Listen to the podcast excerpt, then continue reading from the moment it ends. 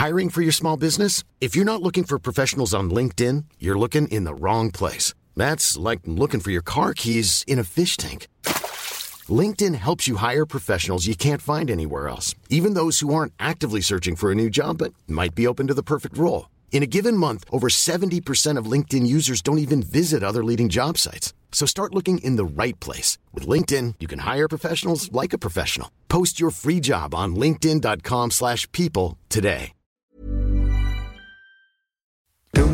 PSV is winterkampioen. Ajax maakt er maar weer eens vijf. En fris Feyenoord wint in ijskoud Heerenveen. Verder kreeg Henk Vrezer helaas gelijk. En mogen de stembanden van Buis na dit seizoen eindelijk op vakantie. Het is donderdagavond op het vreemde tijdstip van 11 uur. Tijd voor de laatste aflevering van de derde helft in 2021. Huh? Huh? Wat is dat, Hans? Huh? Door wie word je gebeld? De grootste schande uit, uit, het, uit het Nederlandse sport ooit. Ja, maar denk jij dat ik eh, Jan Pippo de Clown ben of zo? Vooral eh, de, de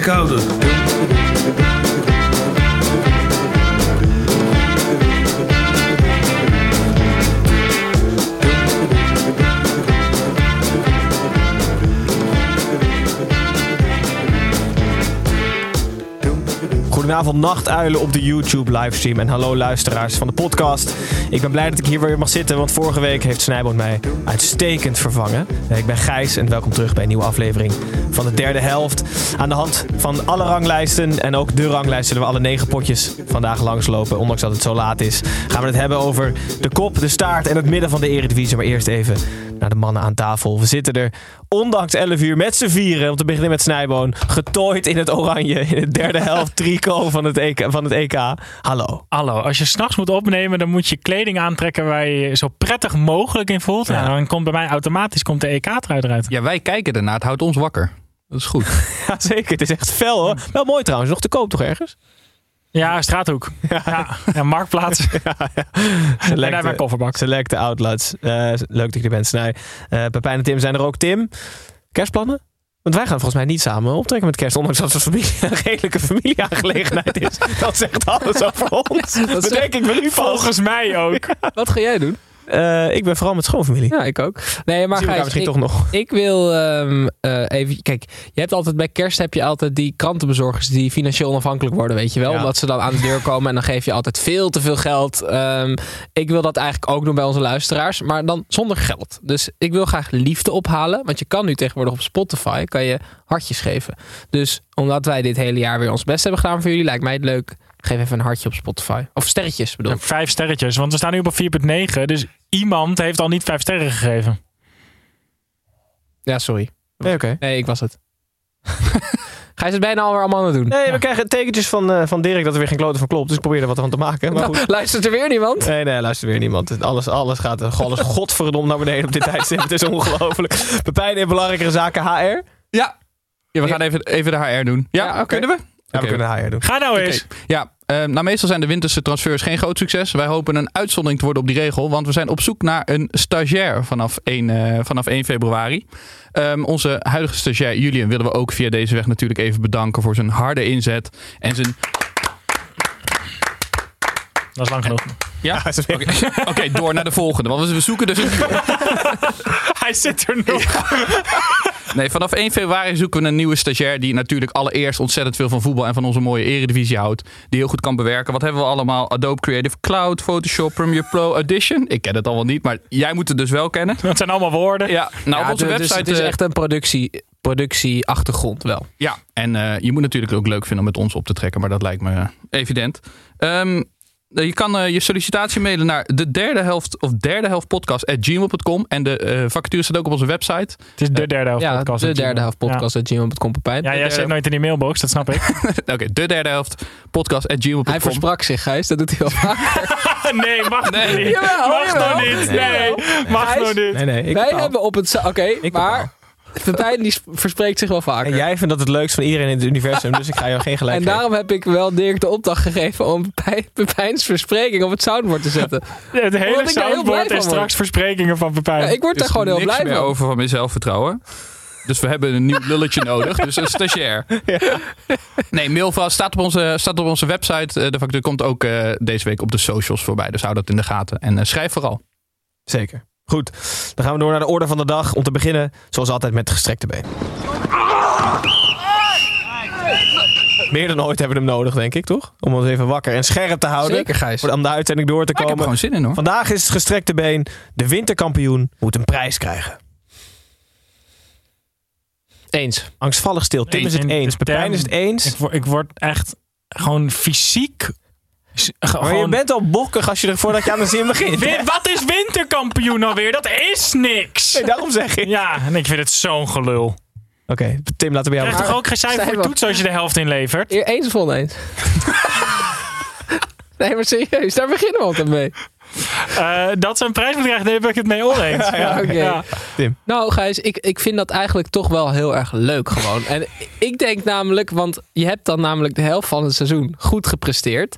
Als je al gewoon daarmee iets eh, hebt veiliggesteld, iets hebt verzekerd. Zoals je bij de keukenkampioen heb je altijd die periodes, weet je wel. Daar krijg je dan een playoff plek voor de eredivisie. Ik wil eigenlijk een, eh, eh, een ticket voor de eerste voorronde van de Champions League. Dat is namelijk, daar heb je in principe weinig aan. Want dan moet je vier rondes door. Maar het is toch, het is toch wat en het is toch leuk. En waar ga je dat ticket vandaan halen dan? Ja, dat weet ik niet. Van, van de nummer twee eh, van de competitie. Oh, dus dan kan je beter maar de helft van het seizoen goed spelen.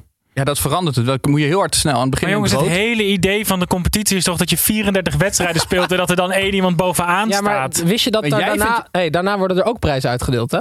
Hoe En die zijn je? nog groter. Aan- Na die 34 wedstrijden. En jij zegt winterkampioenschap is niks. Maar Nee. dat is, in deze situatie wordt dat wel wat. Snijbo, tuurlijk is dat wat. Ja, maar dan heb je gewoon twee halve competities. Dan moet, zoals in Argentinië. Daar heb je echt een Nee. winter- en een zomerkampioen.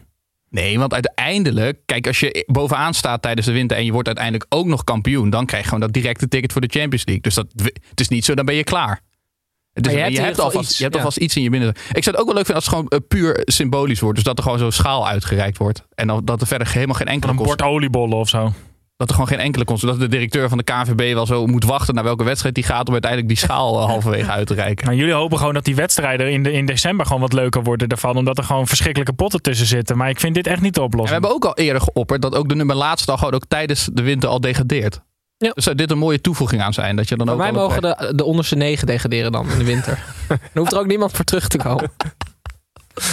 Goed. eh, je hebt het gevoel Gijs, dat wat vind jij? Zoals Want wel vaker- Ik heb echt het gevoel dat ik met twee debielen aan het praten ben hier. Nou, dus heb je een derde tegenover zitten. Ik zou het wel leuk vinden. Nou, nou toch op, hé! Ik zou het wel leuk vinden als er, iets, eh, als er iets op het spel zou komen voor de winterkampioen. Goed, laten we dan maar naar de winterkampioen gaan. Nee, is- dat is niks. Oké, de koploper van de huidige ranglijst. En het is winter.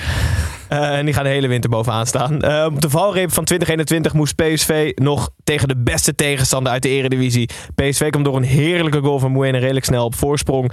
Maar had het daarna niet makkelijk met 11 Eagles. Toen Go Ahead met zijn tienen kwam te staan, kreeg PSV het eventjes moeilijk. Totdat invaller Romero maar weer eens een assist afleverde voor de 2-0. Dat was ook meteen de einduitslag. Eh, daar bleef het bij. Tim Moene scoort drie duels achter elkaar als rechtsback. Komt aardig los. Ik vind het toch stiekem jammer voor These. Nou, ik ook. Maar dat komt omdat ik Mwene op... Ik kan hem niet eerlijk beoordelen. En dat komt doordat ik eh, voetbalmanager speel. En, en FIFA ook. Het is heel erg eh, vervelend voor Mwene. Maar ik zie lengte dus tegenwoordig als een kwaliteit van een speler. En helemaal bij verdedigers. Ik wil geen verdedigers onder de 1,80. Laat staan 1,70 Mwene. 1,70. Ik herhaal Heb je bij even. ook geen backs onder de 1,80? Alsjeblieft niet, Snijboon. En toen heb ik eh, uitgezocht vandaag. ehm, hoeveel topspelers zijn er nou die echt klein zijn? Tegenwoordig, hè? Los van Messi. Dus ik heb de, de 100 spelers. Los van de allerbeste. En, en van alle andere goede voetballers onder de 1,7. Oké, ik, maar ik vind het toch leuk om even een quizje te doen. Ja? oké. oké. De 100 spelers die het meest waard zijn volgens Transfermarkt. Daar heb ik even naar gekeken. Ja. Hoeveel zijn er kleiner dan Mbene? Behalve Messi. Want die is 1 centimeter kleiner, maar los van. Messi. Ik denk, ik denk nog minder. Drie. 7. Drie. Inderdaad. Waarvoor dank. Wie dan? Die, eh, kunnen jullie er eentje Rat noemen? En Golo Kante? Leuk. Wow, ja, nog twee één, van de nog één. Nou, Snij, kom aan. Kom op, jongen. Ja, geef mij de laatste. Jordi Alba? Nee. De 100 beste? Zit hij. Insigne. Ja! Holy shit! Leuk, oké. Dus, ehm ja, wat Kleine ik, dingen in het leven kun je blij maken. nee, maar ehm, ik vind dus, om op terug te komen, deze is 1,83. Dan denk ik meteen, oh, lekker zeg, zo'n grote gast op rechtsback of centraal. Dat heb ik gewoon liever dan Mbene. Ondanks dat hij nu als Maicon een soort van doelpunten aan één rijgt, ehm, vind ik het inderdaad jammer, Gijs. Nee, ik, vind, ja, ik ben het daar niet helemaal mee eens. Want de, de, ik denk de twee beste linksback van de afgelopen, linksbacks van de afgelopen 15 jaar.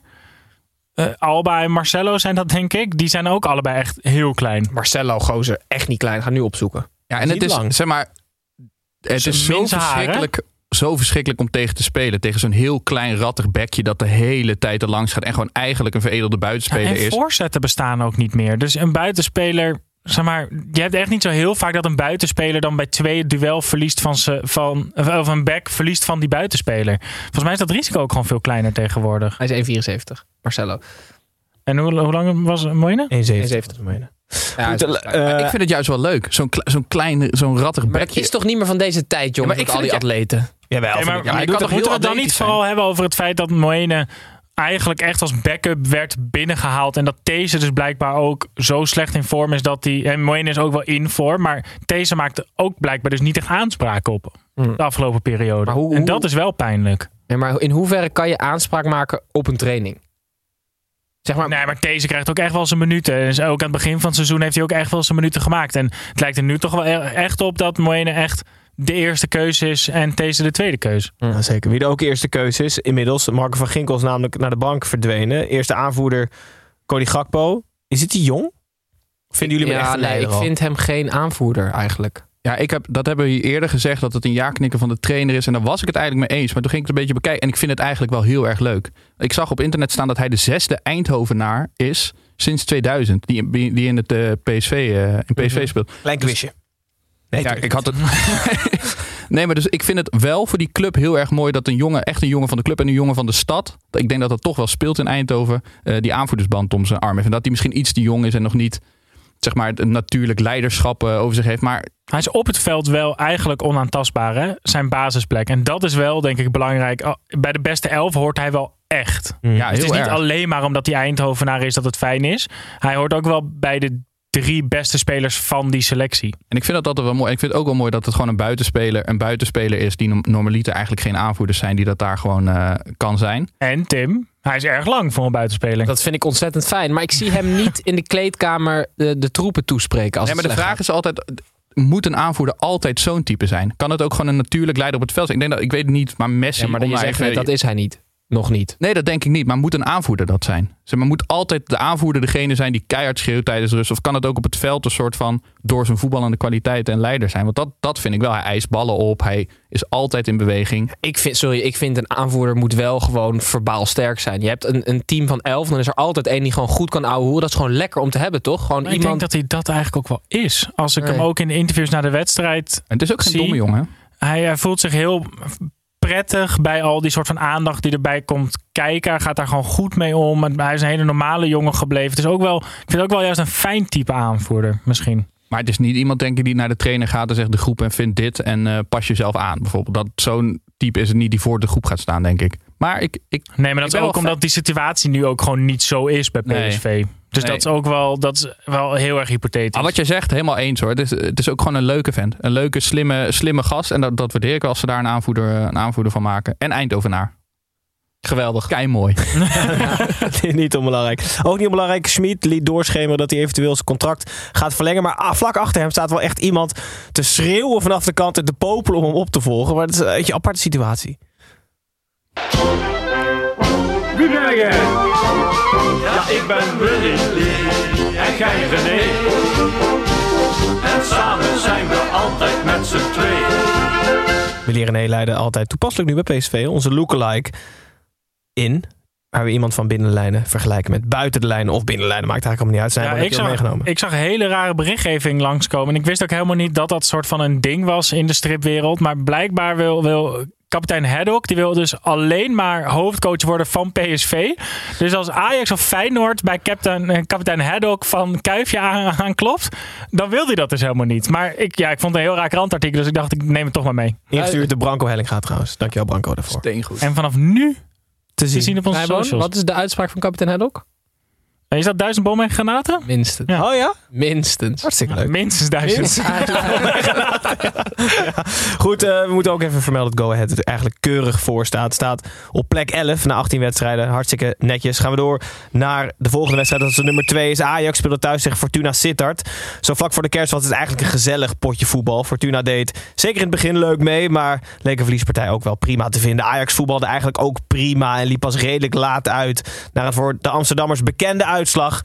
5-0. Pepijn weer 5-0. Doelsaldo van 56 voor en 4 tegen. Maar koop je er wat voor? Nou, daar, daar, moeten we echt, daar moeten we echt mee stoppen met dat doel. Want Ajax heeft in de eredivisie gewoon geen goede eerste seizoenshelft gedraaid. Te veel punten laten liggen tegen de, tegen de, mindere, tegen de mindere goden in de eredivisie. En dan dat doelsaldo, dat, dat verbloemt een soort van alsof ze heel goed hebben gespeeld. Maar het slaat nergens op. Al die wedstrijden 5-6-0, dat, daar gaat het niet om. Het gaat om die eerste en om het tweede doelpunt. Dus dat zou bijna ook een nieuwe regel kunnen zijn. Dat we gewoon na het derde doelpunt dat in ieder geval niet meer meenemen in de statistieken. Voor de topscorer mag het prima.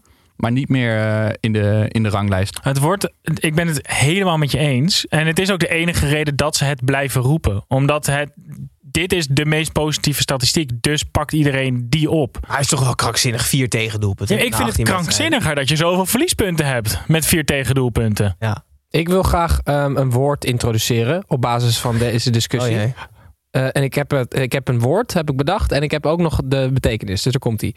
Doelpuntenjournalistiek, Nijboon. Mm -hmm. Het overwaarderen van prestaties van spelers en of teams door bovengemiddelde doelpuntenproductie. En dan wil ik graag even de brug slaan naar Sebastien Haller. Want ik heb nog nooit een speler meegemaakt waar zoveel discussie omheen hangt. En zoveel negativiteit. Die 48 doelpunten, uh, bij 48 doelpunten in 48 wedstrijden is betrokken. Hij is echt een voorbeeld van doelpuntjournalistiek. Want mensen vinden hem dus. Dus hij scoort veel. Dat zorgt voor een soort van makkelijk goedkoop scoren. Als jullie begrijpen wat ik bedoel. Maar hij is eigenlijk, als het om zijn voetbalkwaliteiten gaat, heeft nog nooit iemand gezegd: die jongen kan geweldig voetballen. Snappen jullie wat ik bedoel? Het, het, het schuurt tegen de scorebordjournalistiek aan. Ja, maar, maar het heeft echt betrekking op doelpunten. Want er zijn ook spelers. Maar anders had hij het wel scorebordjournalistiek. Ja, denk ik ook. Ja. ja. of anders had ik denk ik schuren tegen de scorebordjournalistiek. Ja, ja, dat is mooi. Met een streepje dan. Ja, ja, ja. Maar. Ja, Haller, mag je nog, ja, mag maar het ziet er soms op, gewoon uit. Tim, jij hebt van die, van die gigantische Timberlands aan. Alsof je de schoenendoos er nog om hebt. Ja. En bij Haller ziet het er af en toe ook uit alsof die... Die uitspraak trouwens, heb ik laatst over nagedacht. Weet je wel, je hebt je dozen nog om je schoenen. Ja. Hoe vaak heb jij twee dozen bij je schoenen gekregen? Ja, maar wel van twee paar als je dan gewoon bewaart, hè? Ja, precies. Dus dan Want heb, heb ik jij nu maar één paar Timberland en één Nike. Ja, maar ja, je of hebt twee je- verschillende Nike's. Voetbalschoen en hardloopschoen. Ja, maar en hoe dan vaak heb je al twee van die oranje dozen. Dus dat is dan nog wel prima. Ja, maar ik vind dat, eh, dat viel me Maar niet ik, op laatst. ik ben het wel eens. Of maar, de doos. Dus dan moet je zo Ja, hoppen. dat is dus Oh, veel In één doos. Ja, dat snap ik het wel. maar het is hier ook wel een beetje lastig, want we houden wel van die doelpunten. Zeg maar, als je naar een 3-0 zit te kijken, denk je, doe, schiet er nog maar, ze- Maar ja, en- schiet er nog maar vijf bij. Het is toch soms legt hij wel een bal weg uit de lucht. Dat je wel denkt, oh shit, hij kan het wel. Ja, ik ben- en, ik- en soms eh, neemt hij een bal in één keer uit de lucht. Ja, maar Snijboon soms. Nee, maar, dat, maar dat, is, dat, dat vind ik het ongrijpbare aan Haller. En daarom vind, kan ik ook bijna geen kant kiezen in deze discussie. Want hij laat soms dingen zien. En voornamelijk dit jaar in de Champions League. Maar hij doet soms dingen met een bal. En je kan niet ontkennen dat die jongen kan voetballen. Ik ben ook niet tegen, ik ben ook niet tegen Haller. Ik ben het ook niet eens met Tim dat hij zegt van er, is, er moet meer kritiek zijn. Dat zeg je eigenlijk. Er moet meer kritiek zijn op Haller. Terwijl hij heeft belachelijke statistieken. Dus daar mag je een spits wel gewoon op afrekenen. Maar als hij elke keer de bal gaat ophalen op het middenveld, is ook de hele veldbezetting weg. Hè? Dan wordt ook niemand blij. Haller kan er niks aan doen dat wij die, die hoeveelheid doelpunten van Ajax zo ongelooflijk belangrijk vinden. Alleen die statistieken zo benadrukken. Dan ga je dus weer extra letten op het feit dat hij dan de penalty neemt in de 89ste minuut. En dan zeg je, ja, we- we- maar hij heeft ook best wel veel Dat zeg belangrijk. ik heel vaak. Ja, ja, dat is, hij- ik denk ook jou na. Maar hij maakt ook heel veel belangrijke doelpunten. Hij maakt niet alleen maar de 5-0 Nee, hij, heeft- hij heeft echt een. Hij is wel ongrijpbaar, omdat hij gewoon hele hoge pieken en hele diepe dalen heeft binnen dezelfde vijf minuten in een wedstrijd. Misschien Ja. maakt het dat wel onmogelijk voor een verdediger om tegen hem te spelen. Want je weet gewoon nooit of hij fantastisch is of verschrikkelijk slecht. Ja. Binnen die minuut kan het Het eerste moment dat je denkt, nou, ik kan hem nu wel één keer laten lopen Ja, en dan doet hij opeens iets geweldigs. hij iets Ja, geks. de- hij gaat wel een maand weg naar de Afrika Cup. Eh, ze schijnen Brian Brobby weer binnen de, binnen de kortste keren te presenteren als huurling. Vervanger voor Haller. Is het al die optie tot koop nog niet rond? Nee, volgens mij niet. Als ze hem is dat logisch? zonder optie tot koop, vind ik het het slechtste staaltje transfer... eh, Wat is de transferpolitiek? Wat ik denk ik ooit heb gezien. Ja, ja. Ik moet nog even de terminologie bedenken. Ja, maar ja. dat is toch heel dom? Het doet me ergens zo pijn, deze hele situatie met Bobby. Dat hij nu weer terugkomt. Een beetje met hangende, met hangende pootjes. Hij wilde helemaal niet weg. En die trainer daar in Leipzig heeft gewoon een half jaar eigenlijk verkloot. Want ik vind het wel weer echt een aanwinst voor de... En hij speelt nu, gaat hij bij Ajax spelen met dat Leipzig-loon. Dat is goed. Dat is geweldig. hij gaat nu voor 3 miljoen per jaar gaat hij bij Ajax spelen. En een half jaar niks hoeven doen. Ja, maar dus hij heeft gewoon inderdaad een half jaar expres slecht gedaan. Weet je, zodat hij weer terug kon naar Ajax voor 3 miljoen. Nou, prima. Maar is het logisch? Nou ja, het is alleen logisch voor januari maand, denk ik. Nou, en het is, kijk, Danilo maakt natuurlijk niet waar. Dus je, en je wil wel het liefst iemand die iets kan brengen. Ehm, en dan, ja. Maar wat zijn de opties? De optie is, hij gaat het heel slecht doen. Nou, Oké, dan is het prima. Dan heb je hem gehuurd en dan gaat hij weer weg. Ja. Maar als hij het goed gaat doen en je hebt geen optie tot koop. Dan is er voor Ajax niks positiefs aan, bijna. In ieder geval niet op de lange termijn. Extreem korte termijn. En, Ja, en hoe Ajax zich juist de afgelopen jaren presenteert, is een club met een lange termijnvisie. En ik snap de lange termijnvisie ten opzichte van deze transfer gewoon nog niet zo goed. Maar Het enige, het enige is dat hij in Europa zijn ronde verder kan schieten als Allaire helemaal zijn wedstrijd weer, weer eens niet heeft. Wat in Europa niet zo vaak gebeurt. Maar, toch sorry, maar Ajax kan toch gewoon een spits kopen? Ja, maar niveau, kan je Bobby ergens nu vandaan de waarom, zou je, waarom zou je, als je nu inderdaad Haller hebt die je voor 22 miljoen hebt gehaald, waarom zou je dan een spits kopen? Zeg maar, welke spits heeft, Ja. voor, die echt iets toevoegt, heeft heel veel zin om tweede spits te zijn. Nou, maar als Danilo te slecht is Ja. en is dan echt Bobby een half jaar huren zonder optie tot koop de enige optie om een nieuwe roulatie slash tweede spits voor Ajax te krijgen? Nou, het is, het is natuurlijk wel weinig risico, want ze weten precies wat, het, wat hij brengt. Ja. En in de winter heb je natuurlijk als spelers die altijd moeten Ja, wennen. En dan het. aan het eind van het seizoen, dan komt hij in vorm en dan ben je weer klaar. Dus ze hebben gewoon gezegd, we gaan niet kopen in de winter. Ja. En dan blijf je alleen maar zulke transfers over en hij kijkt Lekker club. spelletje voor de Eredivisie weer, toch? Komende dagen zal het waarschijnlijk rondkomen. En dan eh, zullen we zien of hij het goed of slecht gaat doen. Dan gaan we door naar de nummer drie. Fortuna Sittard trouwens lastig. Staan zeventiende. Ehm wel ongeveer gelijk met George Theo Sparta. Nierstenen. hè? ja, George Theo Nierstenen. En toch Is dat zo? coach. zeker. ja. Tijdens de wedstrijd. Nee, nee, hebben ze Oh. behandeld aan Nierstenen. En toch wilde hij bij de wedstrijd zijn. Eh, nou ja, hoe noem je dat? Sterk werk. ja, toch? Ja, gewoon werken. Ja, gewoon werken. ja. Ja, maar we lag, lag midweeks nog in het ziekenhuis, Nijboon. Dus eh, maar nierstenen. Wetenschap. Als je dan uit het ziekenhuis bent, is het ook wel weer goed. ja, het schijnt echt krank. De mannelijke bevalling, maar dan erger, hoorde ik. Dus dat- Erger. Ja. Schijnt echt niet normaal veel pijn te doen. Maar goed, gaan we door naar nummer drie. Eh, dat is Feyenoord. zijn haar weer weg waarschijnlijk. Speelde uit tegen Heerenveen in een steenkoud Abelensra stadion. Speelde Feyenoord fris. De ploeg van Arne Slot combineerde makkelijk op een moeilijk bespeelbaar veld. Had vrijwel geen kind. Behalve een afgekeurde 1-2 aan Heerenveen. En won zeker niet geflatteerd met 0-3. Til, Senesi, deze keer in het goede doel. En kopscorer Linsen maakte de goal. Snijboon. Iedereen speelde, iedereen speelde een heerlijke pot bij Feyenoord. Eh, Was er één uitblinker? Ja, ik denk dat mijn favoriete speler in de Eredivisie eh Malasia is. Maar is hij beter dan Mangura? Ja. Ja, wel, hij is wel een stapje verder dan Bangura van Cambuur. Maar Ja. dat, daar had jij vorige keer een pyjama van. Nee, maar kijk, eh, eh, eh, Bangura is mijn, mijn onontdekte... Dat was toen mijn onontdekte talent. Nou, ondertussen kent... Ik ken de scouts van Real Madrid, kennen hem ook natuurlijk. Maar Malasia is echt het niveau van de Eredivisie. Echt in rassenscheden aan het, aan het ontgroeien. Ja? Met Ja, jou die- Willem van Hanegem, hè? Echt groot fan ook van Hij hem. is ook, die is ook het niveau van de Eredivisie aan het ontgroeien. Hij is tegelijkertijd de beste linksback en de beste linksbuiten van Feyenoord namelijk. Hij is aanvallend. Sinisterra is al beter, lieverd. Nee. Ja, oké, maar Maak ervan voor Ja, het verhaal ja. leuk. Ja, Maak oké, het oké. leuk. de links, beste linksbenige buitenspeler. Nee, maar hij is echt hij is aanvallend zo gevaarlijk. En dat wisten we natuurlijk altijd al. Maar ook verdedigend begint hij zoveel rust in zijn spel te krijgen. En hij weet het juiste mannetje uit te kiezen met de simpele pases. En hij wint zijn duels. En hij is toch overal houdt te hij- vinden. Houdt hij ergens tussendoor dat vrolijke, vrolijke springerige van, van een hele jeugdige speler. Ja. Maar wel met volwassen, met volwassen eigenschappen op dit moment. Hij is echt hij is, hij is zo sterk en snel, maar ook ontzettend technisch. En dat was ook te zien tegen Ajax natuurlijk. Gaf hij Anthony echt een hele lastige middag. Ook opbouwend. Het is echt, hij is echt heel goed in vorm. Hij, in mijn hoofd was hij nooit echt een heel groot talent. Ik dacht dat die Haps nooit voorbij zou gaan Nee, streven een tijdje. En onder Dick Advocaat heeft hij ook echt niet... heeft hij ook soort heel veel fouten gemaakt. Maar hij bleef wel echt heel lang staan. Hij, extreem jong kwam hij wel al door. Hè. Toen was hij 17 volgens mij. Dus hij was, wel, hij was er heel vroeg bij. Ja, voor het Nederlands elftal is het natuurlijk goud. Maar toen Ja. hij heeft nu een tijdje een terugval gehad. Dat ik echt dacht, nou, dit is gewoon Maar- gewoon een prima eredivisie speler. Maar hij is nu echt, hij is echt, echt niveau oranje nu. Maar wel te klein. Ja, ik ben het daar dus niet mee eens. Ik zou het, ik zou het heerlijk vinden. Bueno op rechts, Malasia op links. Nee, gewoon Oosterwolde en eh, nog een langere. Ja, en Jan Koller. lijkt me leuk. Henk Veerman. Ehm, de wedstrijd, de- Tim zei net Henk Veerman, de wedstrijd achteraf werd bekend dat Joey Veerman officieel in, dit, in de belangstelling staat van Feyenoord. Hij moet een miljoentje of zes kosten. Feyenoord heeft net een nieuwe algemeen directeur met de Kloeze. Frank Anissen als technisch directeur heeft zijn contract verlengd. Eerste transfer target Joey Veerman. Ja, zeg het maar. Koen Bello wil weten, Veerman of Koksu? Nou, ik heb even contact gezocht met onze, onze Feyenoord-watcher Johan Brinkel. Is dat Eh, onze Feyenoord Watcher? Maker van de Kangaloo podcast. Ja. Ehm, en daar vroeg ik aan, wil je Veerman hebben? Toen zei hij, hebben zeker, kopen moi. Eh, hij, hij zegt een beetje bang dat het een relatief dure speler is, zeker voor de bank. En toen kwamen we samen tot de conclusie dat eigenlijk de, de meest logische optie is dat ze alvast de opvolger voor Kukcu nu halen. Omdat, die- omdat bij Heerenveen gewoon nu niet zo goed gaat en in de zomer zijn er meer kabers op de kust. Dus nu alvast 6 miljoen neerleggen. Met de verwachting dat Kukcu in de zomer dan voor een veelvoud daarvan vertrekt. Zou je hem nu gewoon niet moeten Zou getuigen van beleid, hè? Nee? Zou je hem nu Zeker. gewoon niet moeten kopen voor de zomer? Ja, dat zegt hij. Nee, maar jij bedoelt hem wel al halen. Dat hij Oh op de nee, bank maar ik gaat zou hem dan zitten. wel daarheen halen. Want ik, ik denk dat hij wel beter wordt onder slot dan onder Johnny Jans. als ik heel eerlijk Kan die ben. wennen aan de grote stad en zo. En bij Herenveen, sorry, maar het lijkt bijna alsof Joey Veerman een slechte voetballer is in dit Herenveen. Hij verveelt zich helemaal de pestpleuris. Hoe zou hij na het kerstje eruit zien?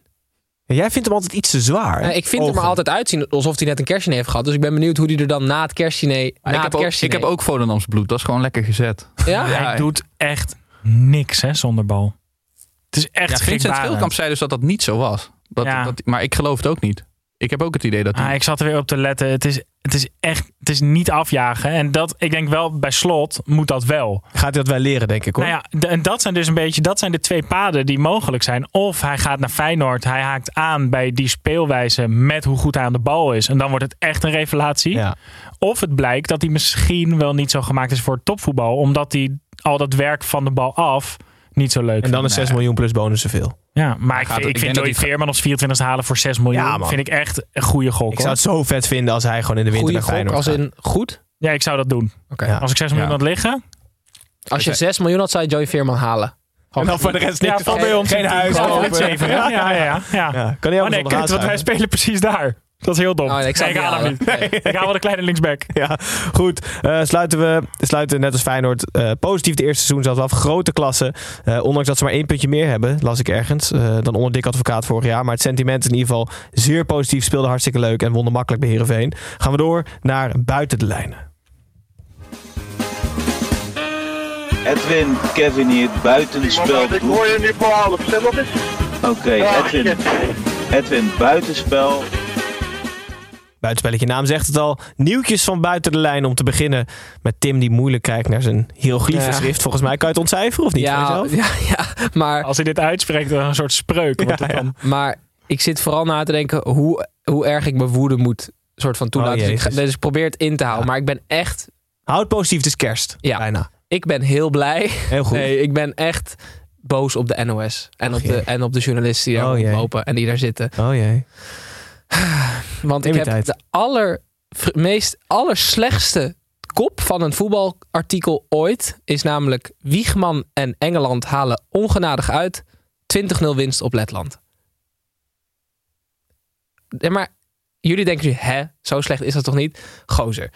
Ze doen met deze titel alsof 20-0, alsof dat gewoon een flinke overwinning is, weet je wel? Nou, haalt uit 6-0, 20-0. Nee, maar, ja, maar Snijboon, de totale ongelijkheid en scheefgroei in die voetballerij, dat durven de objectieve journalisten van, van de NOS dan niet te zeggen. Ik heb meteen een titel bedacht. Deceptie vrouwenvoetbal, Engeland wint 20-0. Het is toch gewoon een en al triestheid dat het... Dat met nee. Nee, want het is... Ja, Oké, dus jij vindt, jij vindt 20-0, dat vind jij ongenadig hard uithalen. Dat, dat vind ik wel, ja. Nee, het Ja, zeker. Nee, jullie zijn... nee, nee, Nee, maar Tim. Ja, je hebt gelijk. Er is op dit moment een hele scheve verhouding. Zeker in landenteams eh, binnen het vrouwenvoetbal. Maar dat is alleen maar omdat er nu eindelijk aandacht voor die sport is. Daar gaat het mij niet om. Het gaat mij om hoe ze dit opschrijven. Ja, ik vind het erger dat ze dan Wiegman erbij zetten. Omdat mensen anders te dom zijn om in het artikel te lezen dat Wiegman bondscoach is van Engeland. Ja, nee, maar oké. ja, ik vind... eh, ja, ik wil Ja, ik zie oprechte woede uit je heel ogen. graag kwijt. Dit, dit speelt al weken in mijn hoofd. Ja. Ehm, die andere het die kwamen er steeds tussendoor. Maar ik- als jullie het niet mee eens zijn, prima. Maar dan ben ik in ieder geval kwijt. Heel goed, je bent het kwijt. Snijboon. Eh, ja, wil je graag een Arsenal nieuwtje of een eh, Spurs nieuwtje? Eh, wel positief Arsenal dus. Ja, dat is ook een heel positief Spurs nieuwtje hoor. Nee, oh, nee Arsenal. Ja? Oké, ik doe die van Spurs alsnog wel daarna. Eh, afgelopen dinsdag eh, speelde Arsenal in de Carabao Cup tegen Sunderland. En eh, die wonnen daar, eh, die, die haalden ongenadig uit. 20 Eh, en het laatste doelpunt werd gemaakt door Charlie Patino. En dat, eh, die maakte zijn debuut op zijn 18e, rug nummer 87. Dus hij scheurt tegen de basis aan. Eh, maar met het debuut en de debuutgoal van Charlie Patino kregen we nog een, een mooie blast from the past. Want iedereen was opeens allemaal artikelen aan het retweeten. Dat ehm Wenger de 11-jarige Charlie Patino eh scouten bij Le- Leyton Orient. Met foto's van Charlie Patino die met een bal daar zit en iets jonger is dan hij nu is. Maar hij ziet er nog steeds heel jong uit. Maar Wenger zorgt nog steeds bij Arsenal ervoor dat de talenten doorbreken en scoren bij een debuut. Dat wilde ik toch even. Mooi nieuws. Leuk. Willen jullie ook nog heel kort positief Spurs nieuwtje? Ja, heel kort gaan degraderen. Nee, want er is namelijk er is maar één gebroken. club in de hele wereld tot nu toe. Zijn we Arsenal Ehm, ja, die is uitgeschakeld in de European Cup, de Champions League, de Cup Winners' Cup, de UEFA Cup, de Europa League, de Intertoto Cup en de Conference League. En dat is Spurs. Dus gefeliciteerd. Leuk.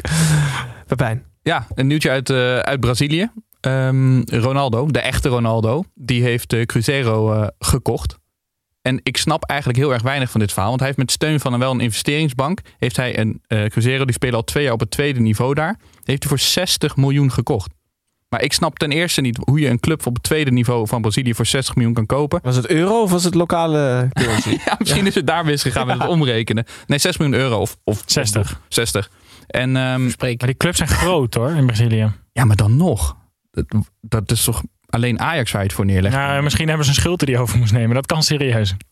Ja, het is, heel, het is heel bizar. Maar hij heeft dus ook al een aantal jaar geleden dat Real Valladolid in, eh, in eh, Spanje gekocht voor 13 miljoen. Ja, hij, gaat al die, hij gaat al die clubs opeten, denk ik. ja, maar hoe komt hij aan dat geld? Voor hoeveel? 13.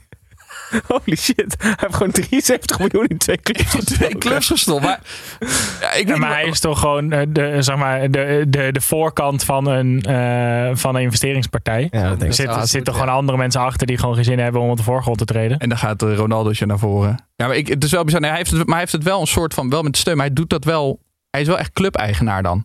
Zeg maar ook bij Real kan- Valladolid het doet hij ook, zit hij echt met die spelers eh, premies te beloven. Dit, dit is niet zo van, er is een investeringsbank die het overneemt en Ronaldo heeft daar iets mee te maken. Maar je kan nog niet voorzitter zijn van twee clubs? Jawel.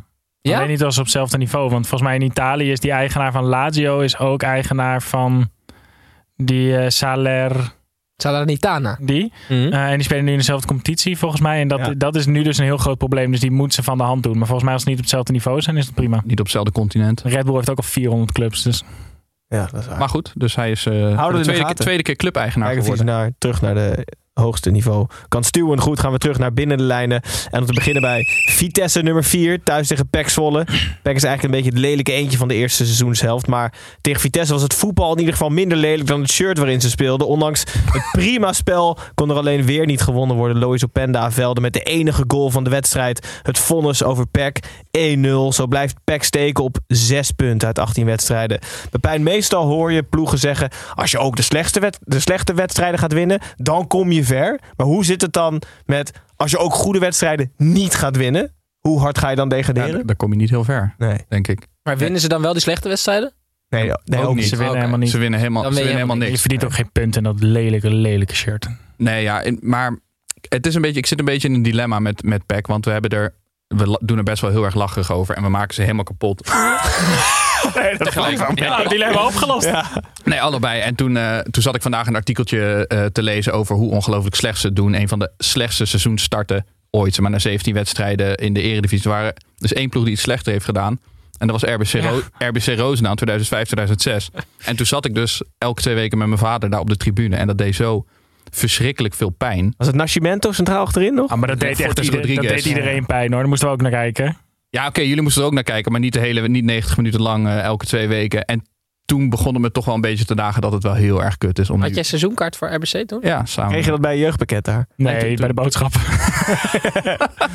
Nee, maar eh, toen weet ik wel dat het heel veel pijn deed. En mijn vader altijd boos weer thuis eh, te schelden op... eh, Je wel- moeder weer slaan. Ja, oh, dat deed hij ook als we niet spoel hadden. Maar, Nee, precies. Lekker lachen. Het zou zo erg zijn dat het nu geen grap is. Nee, nee. maar goed, verder naar voren. Maar Pek, Ja, maar Pek Zwolle, ja, ik heb, ik heb wel eh, dus eigenlijk wel echt met ze te doen. Dit was het eerste moment dat ik besefte van... we moeten er niet lachen over. We moeten die mensen in Zwolle een beetje, een beetje steunen. Ik heb Ja, nee, we moeten het heel serieus gaan doen over de club die nummer 6 punten heeft, de lelijkste tenue heeft en waar het al drie jaar gewoon verschrikkelijk gaat. Ik heb niet het idee dat Snijboom het echt oppakt. Wat ik Nee. probeer te zeggen. De kerstsfeer is dus hebben nog niet helemaal bereikt. Twee puntjes nog over deze wedstrijd. Eén, Lois Penda is goed en scoort veel. Twee, Sander van Roekels laatste wedstrijd als assistent in betaald voetbal. Hij kreeg als dank eh, een Vitesse-shirt met 556 Is dit. Sander van Roekel? Dit is Sander van Roekel. Hoeveel de wedstrijden heeft hij YouTube-kijkers. 556 Als jij hier tien mensen had neergezet en je had gezegd, het zijn allemaal Sander van Roekel, had ik ook geloofd. Ik heb geen... Ik heb, Ook als vier een vrouw waren. ja, dat had er waarschijnlijk voor niet gegaan. Ik heb deze Sandra. man in 700 wedstrijden, ik heb nog nooit gezien. Maar was dat is eigenlijk heel goed. Toch Ja. voor een grensrechter. Ja, je kent hem ook als hij in zijn eentje over straat loopt, ken je hem niet. En als hij dan een keer koffie gaat drinken met Björn Kuipers, dan herkent iedereen hem. Zat hij dan naast hem met die vlag? Hij zat, hij, zat op team, hij zat bij Team Kuipers. 556 wedstrijden betaald voetbal gevlacht. Je moet het maar willen, maar hij neemt dus afscheid. Ja. Gewoon grensrechter geweest in de eh, EK-finale afgelopen zomer. Zeker. Krijg je dan een gouden vlag of zo mee naar huis daarna? Geen idee. Je moet, het vragen. In ieder geval een mooi Vitesse-shirt met 556 achterop. Gaan we door. Uitstekend terug. Ja, de volgende een wedstrijd, dat is AZ. eh, speelde thuis tegen FC Groningen, of Atletico Groningen. Het was echt bijna classic Atletico Groningen. Heel vroeg met 10 man komen te staan door een stomme overtreding. Klagen over de arbitrage en alles uit de kast halen voor een punt. Ik zei bijna classic Atletico, omdat AZ uiteindelijk wel kon scoren. Een geweldige uithaal van Carlson zorgde voor de 1-0, drie punten en vijfde overwinning op rij voor AZ. Snijboom Groningen, grauw seizoen. Onderaan de middenmoot. Is dat dan de reden om het contract van Danny Buis niet te verlengen? Nou, we zeiden het vorige week al, de magie is wel een beetje uitgewerkt, toch? Dus ik snap ook wel dat ze afscheid gaan opnemen. Ik snap alleen echt niet waarom ze nog een half jaar wachten. Dit is toch super pijnlijk voor iedereen? Hij, Ja. hij haalt niks meer uit deze selectie. Er gaat in de winter ook niet heel veel veranderen in die selectie. Behalve dat Strand Larsen misschien nog wordt weggekocht door een Italiaanse club. En dan moet hij daar nog een half jaar gaan zitten. Ik snap het niet. En ik vind het nog het meest zielig voor Adrie Poldervaart. Want die krijgt dus ook geen contractverlenging. Is het zo? Terwijl afgelopen zomer was Poldervaart nog te belangrijk voor Groningen om hoofdcoach te worden bij de Graafschap. Mocht hij onder geen beding vertrekken, werd hij per se bij de club gehouden. En nu krijgt hij opeens geen contractverlenging aangeboden een half jaar later. Wat is er dan veranderd bij die club? Hoezo is hij opeens misbaar geworden? Ik vind het zulk slecht beleid daar in het noorden. Ik word er echt, ik, ik, ik word daar een beetje bokkig van. Ja, maar Gijs. Oh, Tim. verspreking. Ja, ja, Hij zei, kom hé. verspreking. Eh, eh wis, witwas. witwas. Ja, heel goed. Ehm, maar Snijboon, Ja. ehm, ik vind dus dat Groningen al heel lang heel goed beleid voert. Maar hier volg ik je op zich wel. En Maar- afgelopen zomer ook al niet, hè? Want er zijn goede spelers weggegaan en er zijn geen goede spelers voor teruggekomen. Dit jaar denk dat het ze is wel echt niet het de- jaar van Groningen. De, de, de, de financiën redelijk op orde hebben gekregen door, die door het geld daarvoor te gebruiken met COVID en al wat ze mis zijn gelopen. Dus ik, ik vind het ook echt goed beleid wat ze al jaren voeren. Dus Ja, maar Gijs, ik kijk snap nou hoe die club er nu voor staat op dit moment. En gaat precies een jaar terug in de tijd. Het is gewoon een heel slecht jaar geweest. Terwijl andere clubs niet per se zo'n slecht jaar hebben gehad. Maar ik heb er ook wel ergens respect voor als je respect hebt voor een coach die het toch een aantal jaar redelijk heeft gedaan. Hij is gekomen toen ze natuurlijk heel laag stonden. Dus ik, ik denk dat het ook een soort van respect naar buis toe is dat ze hem niet eh, nu de laan Maar uit. daar koop je toch niks voor. Goed nieuws voor AZ wel. Carlson tekende een nieuw contract tot 2026. Uitblinker, echt een geweldige goal. Eh, AZ won voor de vijfde keer op rij en staat gewoon keurig weer eh, op plek 5. dus wie weet of ze de weg omhoog kunnen doortrekken. Dan gaan we door naar de volgende wedstrijd. Niet zomaar één, de Toto-wedstrijd van de week. Wedstrijd van de week, van de week, wedstrijd van de week. Toto-wedstrijd van de week deze week. Utrecht, FC Twente. Wij laten altijd de voorspellingen achter op onze social media kanalen. eh, om te kijken of wij de Toto goed kunnen voorspellen. Pepijn had 1-1 voorspeld. Het werd ook 1-1, hartstikke goed. Timmy had gelijk voorspeld 0-0. Snijboord en ik hadden allebei een overwinning van één van beide ploegen. Maar Snijboord had wel de eerste doelpunt te maken. Goed, Ricky van Wolfswinkel, gefeliciteerd. Er waren drie mensen die meegespeeld hadden op onze Instagram of 12 Twitter-kanalen die het helemaal goed hadden. Tim Grotehuis, Mika Wiersma en Stan Laagstreepje 2020. Knap als je één jaar bent trouwens, dat je het goed kan voorspellen. Ehm, die Ik kunnen niet allemaal... dat, ik denk niet dat hij het speelt goed krijgt. Nee, nee, nee, want je moet inderdaad 18 plus zijn en bewust spelen. Maar goed, we gaan deze week even aan het Rad van Fortuin draaien. En een van jullie drie zal 25 euro speeltegoed van Toto krijgen. Dus gefeliciteerd. Eh, de wedstrijd zelf... En hou na- onze kanalen in de gaten, want dat doen we daar. Dat doen we niet hier. Nee, precies. We gaan niet hier aan het rad draaien. Dat lijkt me vreemd. Eh, na het bekerverlies tegen, NAC, tegen NAC of NAC werd de spelersbus van Utrecht weer eens klassiek opgewacht. Waarschijnlijk nette en bemoedigende woorden leken niet echt te helpen. Want Twente kwam op 0-1 en Utrecht kwam niet tot genoeg grote kansen. Nadat Twente nog maar met 10 man speelde, duurde het tot minuut 95 voordat Mahi een punt redde. Na vorige week er twee verspeeld te hebben. 1-1 dus. Allebei een punt. Tim Utrecht won maar één van de laatste acht officiële wedstrijden. Hashtag Haken out was trending na deze wedstrijd. Eh, volgens Haken zelf was crisis, of is crisis een makkelijk en zwaar woord. Weet jij dat ook? Nou, Gijs, ik ben zo klaar met het woord crisis. Want het wordt door elke talentloze journalist meteen gebruikt op het moment dat er iemand verliest. En trainers die laten zich zo door uit de tent lokken. Dus ik heb de oplossing, dames en heren. Ik heb iets bedacht waarop we gewoon objectief kunnen beoordelen. Is het crisis bij een club? Wat gaan we doen? We gaan op basis van de begroting Hè? Want je hebt, we hebben de- van 1 tot 18 heb je gewoon een lijst. En je zegt altijd, als je het meeste geld hebt, dan eh, dus de munt, wie, de munt, wie de munt heeft, die krijgt ook de punten. Ja, bijna verspreking, Haast, haast. Ehm, en, en, en ik heb dus het, ehm, de positie op de ranglijst, Gijs. Dat is het aantal nederlagen achter elkaar wanneer het crisis is. Dus Ajax, één keer nederlaag, crisis. Ja? Ja, want die hebben het meeste geld. Oh. Maar de nummer 18, 18 keer achter elkaar, dan is pas crisis. Ja, ja, weet je wel? Dus als je dan op 16 Pek Zwolle nederlagen achter top. elkaar, dan gaat Pek gaat serieus, is nog geen crisis. Snap Nee, je? ja. Ehm, jullie mogen erop schieten, maar ik ben hier best tevreden mee. In ieder geval iets van handvatten Ja. voor de journalisten en Leuk. trainers om, eh, om nooit meer het woord crisis te gebruiken zomaar. Want crisis is een zwaar woord, hè Gijs? zo bij Willem II. En een trouwens. makkelijk woord ook, hè? Ja, het is makkelijk ook. Ja, Ja. zeker. Maar kan iets makkelijk en zwaar zijn? Ja, dat is een goede vraag. Jij komt in de buurt.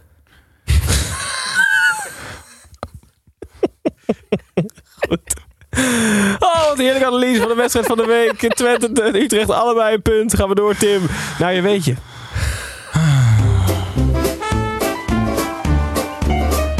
Of iemand dit nou weten wil. Dat boeit me niet ontzettend veel, want ik heb weer een beetje voor je mee. Is het dit bij Studio Voetbal? En dan wordt hij boos op de NOS. hè?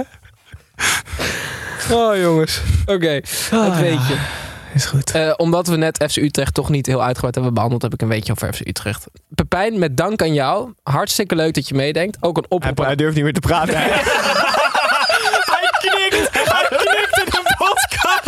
Hij is al 10 minuten stil.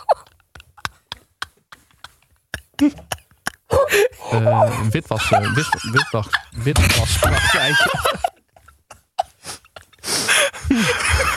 Oké. Tim, kom met je weetje. Ja, eh, Pepijn ga- ga- had mij dit weetje gestuurd. Ehm, het gaat namelijk over de wedstrijd in 1998 NEC FC Utrecht. En toen was de materiaalman van FC Utrecht had alleen de thuisshirts in, ingeladen in de auto. En dat waren... Auto. Ja, ik dacht dat het toch allemaal amateurs Ze waren. verzamelden. Nee, oké. Oké. Dat waren rode thuisshirts. Ehm, en die leken heel erg op de shirts van NEC. Die waren namelijk ook rood. Ehm, ehm, en toen konden ze niet spelen, want scheidsrechter ging niet mee akkoord. Wat hebben ze toen gedaan? Over de hekken geklommen naar de uitsupporters. Hebben ze gewoon, waren best wel veel uitsupporters met een uitshirt. Hebben ze, in de, hebben ze een shirtje gehaald met de supporters. Nee. Hebben ze in die shirts gespeeld. Hoe geniaal is dat? Ja. Wat vet zeg. Ja. En ook in XXL. Ja, Er zaten sigarettengaten in en Ja. overal bier overheen en zo. Het Ik heb was, nog nooit iemand zo goed op zijn woorden zien letten. Oh, wat vet zeg. Echt gruwelijk. leuk. 1998. Ja. Maar dat zou, dat zou ja, je, kan, je verzint het niet. Speelde er ook iemand, want had je dan ook dat inderdaad mensen een rugnummer en alleen voornaam deden? Trouwens, dus dat er leuk. met nummer Nee, 7 nee. en Joep speelde Nee, of zo? Ze moesten met tape rugnummers doen. Oh ja, Ja. classic. En keeper shirt of was dat nog, kwam dat door de beugel? Nee, dan had iemand gewoon nog een witte polo aan, dus die, die, die kon ook aan. Oké. Ik denk wel dat leuk. een keepershirt niet per se ook rood hoeft te zijn. Gijs. Hartstikke. Nee, nee, nee. Maar ik dacht, eh, misschien hadden ze ook een keeper shirt nog nodig. Dus dan verwacht je dat iemand de uitvak in Nee, ik denk dat keepershirt ze staat. nodig hadden eigenlijk. Oké, heel goed. Wel leuk, weet je. Zijn we niet vaak eh, Je enthousiast hebt over. ook bokkig, hè? Nee hoor, Nou, Nee, ik heb, ik heb het helemaal naar mijn zin. hartstikke goed. Gaan we terug naar de wedstrijden. Nog drie te gaan. Herakles tegen Cambuur. Eh Cambuur had nog niet gelijk gespeeld dit seizoen. En Herakles had gewoon niet zoveel punten. Na een leuke wedstrijd met veel mogelijkheden over en weer stond er uiteindelijk 1-1 op het scorebord. Zo sluit Cambuur 2021 prima af. En is Herakles coach Wormoed vooral moe. Moe van het missen van de vele kansen elke week. En moe van de vraag of hij Danny Buis bij Groningen op moet volgen. Ja, Tim, vele kansen gemist. Eh, ook door Herakles, daar wordt Wormoed moe van. Kai Sierhuis is de spits. Wat moeten we ervan vinden? Ja, dat ga, ik ga... Maar heel, één klein quizvraagje weer. Ja, leuk, leuk, leuk. Ja, ja. 82 wedstrijden voor Kai Sierhuis op het hoogste niveau. Hoeveel doelpunten? In Nederland of überhaupt? hoog? Überhaupt, ook in Frankrijk bij Stade Rijms. Ja. 14. 12. Ja, ik dacht ook eh 13 dan. Het zijn er 12. Oh, Snijboon, jullie zijn goed bezig hoor vandaag. Het lijkt alsof we er verstand van hebben. Nee, maar ik wil eventjes... Ik wil, ik wil...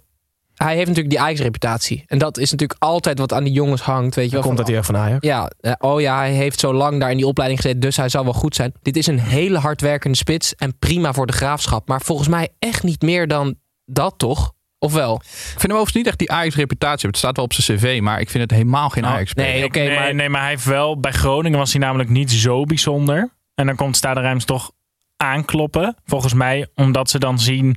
Ajax jeugd, eredivisieclub, redelijk. Maar we gokken wel. Ja, dat denk ik dus ook. Er wacht nog best wel wat op ook, volgens mij. Ja, ik vind geloof het het niet ook. zo slecht. Ja, maar Gijs weet niet vindt hem niet zo slecht. Nee, het is ja. een hele hardwerkende jongen. En je Hij kan houdt van harde werkers. ik vind hem in een 4-4-2 dan nog wel leuk. Maar dan moet er wel echt een doelpunt te maken naast. Want deze jongen, ik, ik ja, dus er zie moet er gewoon een hele goede spits naast Ja, staan. Messi of zo. Ja, ik zie het gewoon niet gebeuren dat hij de 20 gaat maken. Omdat hij gewoon... niet bij dat blijkt. Herakles? Hm? Hoeft er ook niet bij Herakles? Nou, Ja, zelfs de slechtste spitsen doen het daar hoor, Gijs. Ja, dat is je- waar, ja. in de Eredivisie kan je echt bij elke club 20 goals maken. Hij is echt een van de weinige spitsen voor wie de Eredivisie geen doelpuntenwalhalla is. Want dat is voor elke spits, hoe slecht je ook bent. Maar het lukt hem nooit. Ja, Bakis heeft het ook lastig. Ja, Bakis ook. Zou mensen nog een tip willen meegeven voor na de winterstop. Die eh, De La Torre. Daar, daar kan je wel op gaan letten hoor, als je naar Herakles Hij werd wel omschreven als een statistiekloze middenvelder. Hij heeft volgens mij geen doelpunt, geen assist gegeven nog. Nee, maar- wel een leuke... Schitterende techniek en, en oog in zijn achterhoofd. is leuk. Cambuur eindigt eh, dit kalenderjaar op plek 8. Hartstikke knap. Herakles 13e. Eh, op zich ook wel logisch als je een beetje gezien hebt wat daar niet kan spelen. Door verschillende redenen. Goed, gaan we door naar Willem 2 tegen NEC. Willem 2 kan maar niet uit de hoek van de welbekende klappen komen. Je zag de bui al hangen toen een potentiële penalty voor de Tilburgers en twee potentiële rode kaarten voor NEC niet werden gegeven. De bui bleef niet alleen hangen, maar viel ook. NEC maakte een goal en Willem II kreeg een terechte rode kaart. Deze 0-1 was de achtste verliespartij op rij voor Fred Grim. Eh, Misschien crisis, Tim, zou zo maar eens kunnen. Hoeveel, hoeveel ja, begroting van Willem II? Nee. Geen idee. Ik denk niet achtste. nog vier wedstrijden, denk ik. Ja, denk ook Wel wel. een clubrecord. Acht nederlagen op rij. Misschien positief rond kerst voor Grim. Pepijn, ehm, vraag voor mij, van mij aan jou. Eh, Kom maar door. Zoals na elke wedstrijd. Praatte jij vroeger ook na wedstrijden die jij speelde in de Jupiler League achter je hand met je medespelers? Ik praat er niet zo heel veel met mijn teamgenoten. Maar ik snap hier dus werkelijk waar helemaal niks van. Ik snap het als Messi met Neymar spreekt. Dan weet je, dan duiken er eh 5 miljoen mensen op wat die tegen elkaar zeggen. En liplezers en alles. Maar nou blijkt dus ook dat de, de verdedigers van eh, NEC... Volgens mij waren het Cas Odentaal en Marquez. Die praten dus ook achter hun handje met elkaar. Wie kijkt daarna en wie wil weten wat zij zeggen? Ik heb echt letterlijk geen idee. De trainer, ze gaan best wel lekker. Dus je gaat denk ik niks over de trainer zeggen. Je teamgenoten, ze draaien goed. ja, maar misschien iets heel lulligs over een andere teamgenoot. Ja, maar die gaat die later Ik op ben er tv zo terug. klaar mee. Gaat hij Maar toch- achter de hand gaat hij op tv terugkijken om te kijken wat dan zij over hem hebben Maar als je het achter de hand moet zeggen, moet je het toch gewoon niet zeggen? Wat is het nou voor een onzin? Ja, misschien dat het gewoon iets heel privés is. Zo Maar het is toch een kwestie van tijd voordat er wanglezers komen. Dat je zeg maar zo. En dat je gewoon aan de hand van de wang kan zien wat hij zegt. Ja. ja. Maar ja, ik denk, van ik denk, Ja, ik ja, eh, van minuten. Ik denk Ja, dat het echt. ja. Ja. Na de lang winterstop. duren. Gijs met zo'n vieze keur. Ik zag het al, hè? Ik hoorde het niet. Oh. Aan je wang. Ja.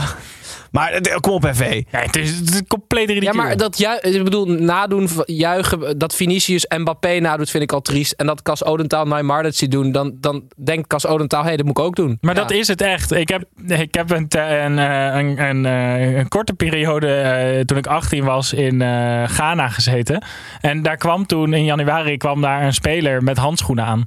Op de training. Maar het was echt 40 graden of zo. Maar die had het Premier League gekeken. Die had Michael Essien met handschoenen gezien. Oh, wat vet, hè? Dus zo gaat dat gewoon. Ja. Oké, vet, ja. maar hou ermee op, hè? De jongens van de Eredivisie niet achter je handschoen praten. Goed, gebeurt dat bij jullie in het amateurvoetbal? Jongens, Nee, ik roep altijd alles gewoon. dat is het probleem van Snijboon. ik probeer altijd met mijn hand zo, nee, nee. Willem 2 eh verliest voor de achtste keer op rij. NEC eindigt vijf, met 25 punten op de negende plek. Hartstikke knap. Rogier Meijer zei achteraf... ja, als je dit vooraf had gezegd, had ik er wel voor getekend. Prima, Rogier. Open deuren intrappen. Gaan we door naar de laatste wedstrijd van deze speelronde. De laatste wedstrijd van het jaar was het ook meteen. Wat een knaller. Sparta Rotterdam tegen RKC. Eh, vooraf zei Henk Vrezen dat hij geen goede wedstrijd verwachtte. Het begin was veelbelovend. Twee schoten in twee minuten. Maar daarna daalde het niveau redelijk ver. Beugelsdijk had nog een geniale assist in huis. Wel op de verkeerde spits. Zo werd het 0-1 voor RKC. Eh, het werd niet veel beter, maar het werd wel 1-1. De tweede helft gebeurde er niets. En kreeg Vrezen dus uiteindelijk een punt en ze gelijk. 1-1. Snijboon. Vul maar in, ja. Nou ja, ik moest heel hard lachen om Vrezen die voor de wedstrijd al zei... Als je een goede wedstrijd verwacht, heb ik slecht nieuws voor je. Die krijg je niet te zien. En wij zaten met z'n vieren voor die tv. nou, daar gaan we. Tim heeft toen de hele rest met zijn rug gekeken, dus dat scheelt. en eh, eer, kijk, er is natuurlijk al sprake van geweest dat Beugelsdijk eh, gewet zou hebben op wedstrijden. Als dat over een half jaar weer naar buiten komt, dan weet ik wel welke samenvatting we als eerste bij kunnen pakken. Want Goeie assist. een hele goede assist, ja. ja. Ja, ja. Uh, voor de zou rest- er trots op zijn, maar De rest is toch gewoon door, door, kla- door klaar. met het was een verschrikkelijk einde van, de, van een ongelooflijk leuke eerste helft eh, van, eh, van, de, van de competitie. Ja. Met een terechte winterkampioen. Ik hoop dat ze nog een beker krijgen daarvoor, Ja. maar dit was verschrikkelijk. Met die wijze woorden sluiten we af. Allebei een punt. 1-1. Ze schieten er geen kloten mee op, maar dat verdienen ze ook niet. Gaan we door naar het laatste gedeelte van onze laatste aflevering. Maar dat is wel met Tommy Beugelsdijk. Fantalk. Hallo fans, wie gaat er zinnen? Wie is Tom? Nog een paar vragen om het jaar af te sluiten. Snijboon, om te beginnen bij jou van Joost, laagstreepje Bartels. Die wil eigenlijk gewoon weten wat je met kerst gaat doen. Eh, nou, in klein comité proberen toch nog een beetje wel van te maken. Oké. Ja. En dan, Nou, en eh, heel veel voetbalmanager spelen als het kan. Daarop inhakend van Barry Burry Berry komt er vaker langs. Die wil weten of je liever een acht uur durende podcast op wil nemen... dan aanschuiven bij het kerstdiner van je schoonfamilie. Ja, maar ik vind de acht uur durende podcast niet zo'n straf als ik gewoon met jullie lekker acht uur een beetje kan praten. En als je die content op een efficiënte manier kan verspreiden, is dat toch alleen maar fijn. Ja. Simpele vraag. Wat vind jij, Pepijn? Nee, vind ik mooi. Vanuit de kerstgedachte in deze. Pepijn, eh, vraag eh, van jou van Thijs Kai. Die wil weten of de kat van de buren gezellig komt gourmetten bij jullie met kerst. Het is een beetje over met de liefde met de kat van de buurt. Ja? Waarom? Nou, ik. Helemaal geschokt Ja, allebei. Nou, ik Hoe was. heet die ik- eigenlijk? Doris. Ik stond. eh, ik Is stond het een jongen of een meisje? een jongen. Ik stond in de. Beetje Sander van Roekel, hè? Je hebt ook geen idee. Meestal hou ik er wel een beetje in het zicht als die eerst in mijn huis zit. Maar nou stond ik eh, vorige week stond ik in de keuken. En toen kwam ik de woonkamer binnen. En toen stond hij zo heel raar tegen de muur aan. En toen was hij dus in een stopcontact aan het pissen. Kortsluiting in de hele buurt. En het was niet je vriendin. Het heet ook Doris trouwens. Staat ook heel raar tegen de muur. Nee, dus het is, hij moet even buiten gehouden worden. Maar nou, nou liep ik gisteren eh, liep ik langs het huis van de buren. Toen hing er bij die jas hing er zo'n klein kerstjasje voor de kat weer. Dus toen... Ah, ja. Katten zijn wel echt motherfuckers ook, hè? ja, het spelen met je, met je gemoed. Ja. En met je stroomvoorziening. Goed, eh, Tim, vraag voor, eh, aan jou misschien wel de moeilijkste van Bounton.mike. Die wil weten wie Van Gaal zou moeten spelen in een film over Van Gaal. Frans Hoek lijkt me wel vet. Als hij dan Van Gaal speelt. Ja. Ja. Want er was ooit een keer een film waarin Winston Post Chris Seger speelde en andersom. Dat vind ik gewoon heel grappig. Ja. Is dat echt waar? Ja, ja, ja, ja, ja.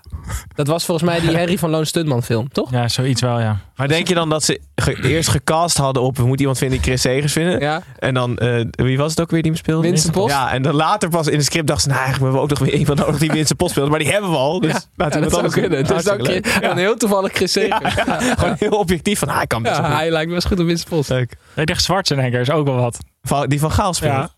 Oké, Oh, maar- maar, oh, oh, huh? Maar Louis van Gaal moet toch iemand acteren? nee, nee, nee, Louis het gaat spelen. over Louis Oh, ik van Gaal. dacht dat je als grap had dat Frans Hoek Louis van Gaal ging Ja. spelen. Nee, ja. Nee, de grap was veel beter. Louis van Gaal moet... de grap was Fijn dat je dat er nog even dat Louis van. Gaal in een film over Louis van Gaal Frans Hoek speelt. ik vond jullie allemaal niet echt lachen.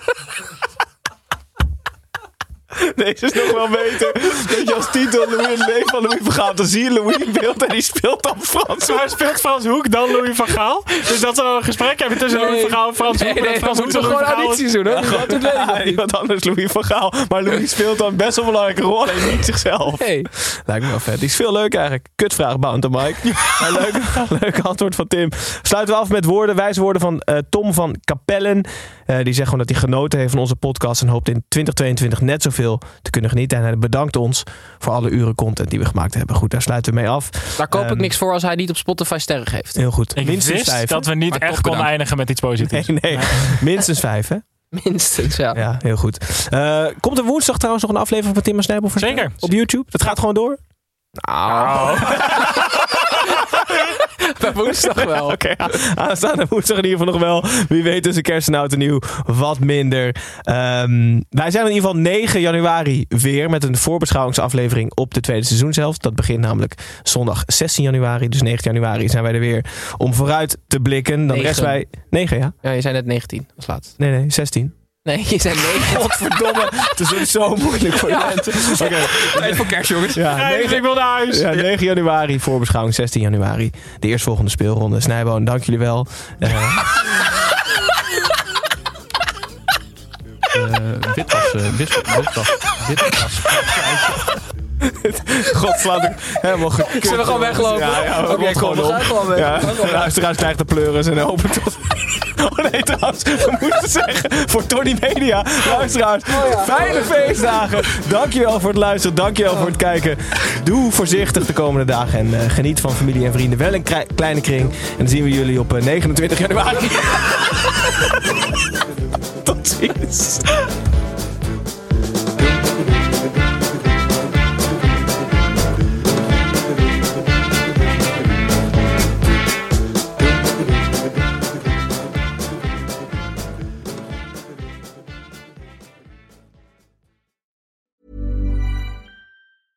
Ruben Tijl, Ruben Tijl. Wacht Ruben, even, zijn er Tijl, nou twee Ruben. Tels of twee Rubens? Twee Rubens, één Tel. Drie mannen. Eén midlife crisis. De meeste mannen dragen dan niks meer bij in de maatschappij. En die gaan motorrijden. Ja, maar wij nemen een podcast op. Dus luister. Om de vrijdag naar Ruben Tel. Ruben, De podcast!